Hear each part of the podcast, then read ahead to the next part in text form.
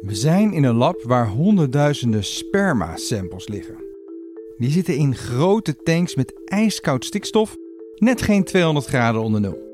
En dat sperma is niet van mensen, maar van onder andere honden, koeien en paarden.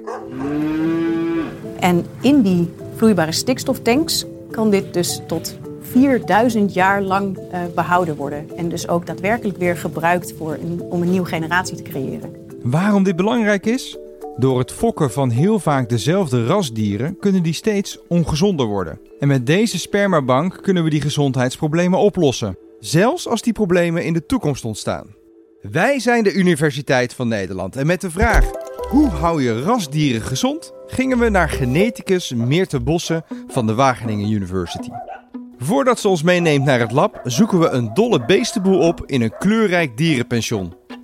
De ideale plek om ons meer te vertellen over de grote verscheidenheid aan diersoorten. Er is voor ieder wat wils. Ja, er kan natuurlijk op heel veel verschillende eigenschappen gefokt worden.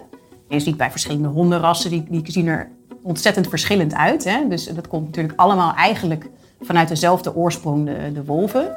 Voor de hond begon het met één oerdier.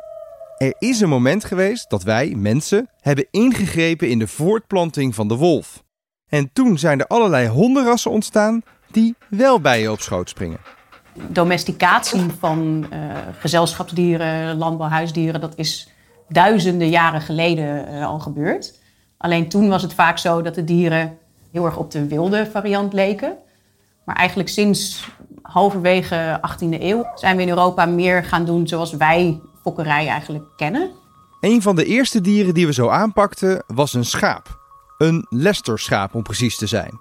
Schapenhouders wilden een superschaap, dus met extra goede kwaliteit wol.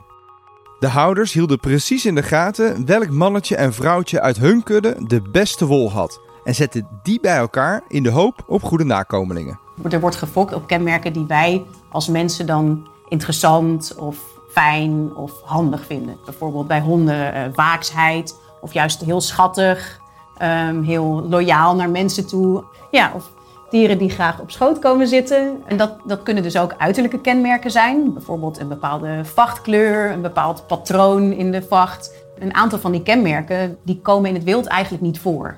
En dat is ook met een reden, want die kenmerken die zullen gewoon niet goed overleven in een wilde situatie. We zien dat bijvoorbeeld ook bij varkens.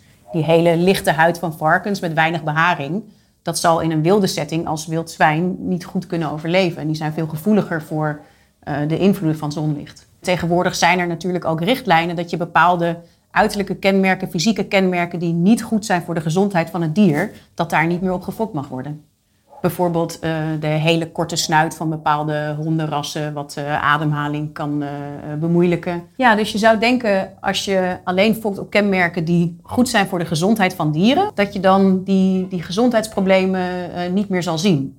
Maar dat is interessant, want je ziet dat ook bij rassen die niet op zeg maar, negatieve kenmerken gefokt worden, dat daarin toch gezondheidsproblemen kunnen ontstaan.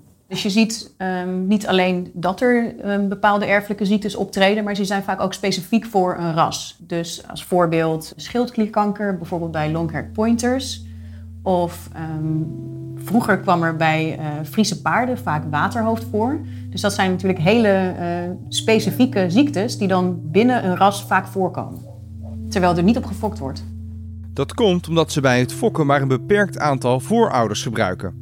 En wat je dan krijgt is inteelt. Je kruist familie met familie.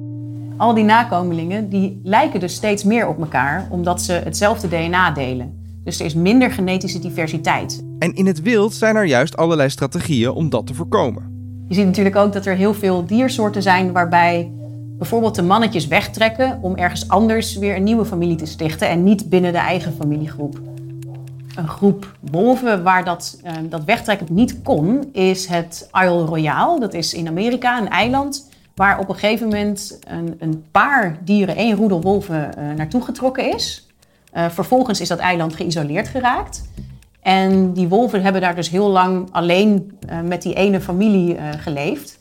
En je ziet dat over tijd dat er um, steeds meer fysieke gebreken optraden, uh, erfelijke gebreken.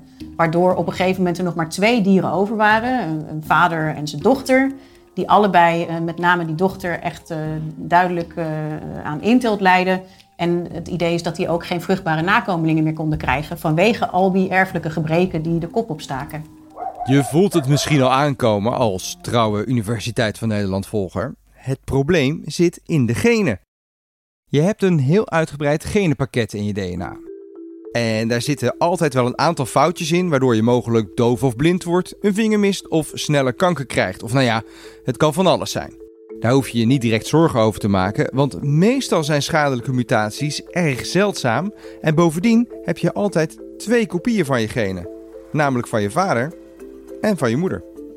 Dus als in het gen van de vaderskant bijvoorbeeld een schadelijke mutatie zit, heb je altijd nog een gen van je moederskant, datzelfde gen, wat wel functioneert. En daardoor zal je die problemen niet zien.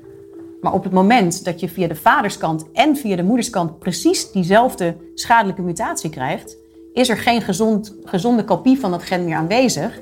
En dan zal je dus wel zien dat die erfelijke gebreken de kop opsteken. Ja, en als je bij het fokken dus maar uit een kleine genenpool kan putten, dan worden die risico's dus steeds groter. Om dat te voorkomen kan je een aantal dingen doen. Zo gebruikt een goede fokker altijd een stamboek. Want met een stamboek kan je precies natuurlijk zien welke dieren verwant aan elkaar zijn en hoe die familiebanden in elkaar zitten. En op basis daarvan kan je dieren bij elkaar kiezen die niet verwant zijn, maar die wel bijvoorbeeld allebei uh, de kenmerken hebben die je interessant vindt.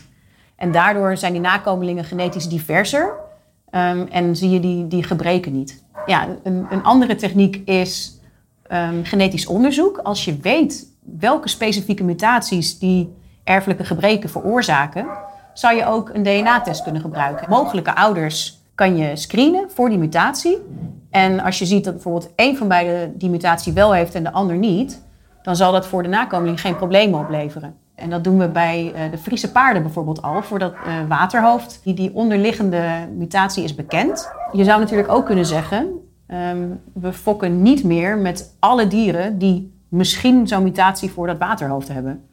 Maar als je daarvoor kiest, dan sluit je wel gelijk ook heel veel dieren uit. Dus daarmee verminder je ook de genetische diversiteit. Oké, een DNA-test. Moeten we doen. Opgelost toch, zou je denken? Maar zo simpel is het niet. In, in sommige gevallen is er zo weinig diversiteit over dat er um, bij alle individuen uh, erfelijke gebreken kunnen, uh, kunnen ontstaan. Zoals bijvoorbeeld bij de wolven. En dan is het een idee om vers bloed in te brengen. Het, het mooie van de genenbank is bijvoorbeeld materiaal van dieren die eigenlijk al lang overleden zijn, uh, alsnog gebruiken, um, omdat die genen bijvoorbeeld nog niet aanwezig zijn in, in de huidige genenpool. Ah, en daarom hebben ze in Wageningen dus al die tanks met dierensperma. 350.000 rietjes maar liefst. Nou, je ziet er staan hier heel veel tanks, tientallen tanks met vloeibare stikstof erin ontzettend koud, uh, temperaturen van min 196 graden. En in die tanks zitten rietjes. En elk rietje bevat dan sperma van één individu. Dus dat zijn natuurlijk allemaal potentiële nakomelingen. Dus die genetische diversiteit die in dat sperma hier in die vaten zit, kan ook weer daadwerkelijk gebruikt worden voor in de toekomst uh, om een ras genetisch diverser te krijgen of te behouden. En bovendien is het eigenlijk ook een soort opslag voor mocht er iets gebeuren met een ras, dat er in de toekomst in elk geval genoeg diversiteit is opgeslagen. En dat er niet, wat we dus willen voorkomen, vanuit één of maar enkele individuen weer een hele populatie opgebouwd wordt. En in die ijskoude stikstofvaten kunnen die samples wel 4000 jaar bewaard blijven. En zo kunnen we hopelijk in de toekomst ook nog lang genieten van gezonde rasdieren. Rasdieren hoeven helemaal niet ongezond te zijn zolang die genetische basis maar goed is. Wat ik heel mooi zou vinden, is als we puur door naar DNA te kijken, um, al kunnen voorspellen als je naar die DNA-sequentie kijkt. Kijk, dit zijn mogelijke problemen. En dan kan je daar natuurlijk ook op anticiperen. Ervoor zorgen dat dat niet um, in nakomelingen zo terechtkomt. Dankjewel Meerte, wat een fijn vooruitzicht. Blij te horen dat mijn achter, achter, achter, achter, achter, achter, achter, achter, nou ja, achterkleinkinderen straks ook nog een gezonde viervoeter in huis kunnen hebben. Dit was de Universiteit van Nederland. Vond je het leuk om naar ons te luisteren of te kijken? Vergeet je dan niet te abonneren, dan krijg je automatisch meer Universiteit van Nederland in je feed. Tot de volgende!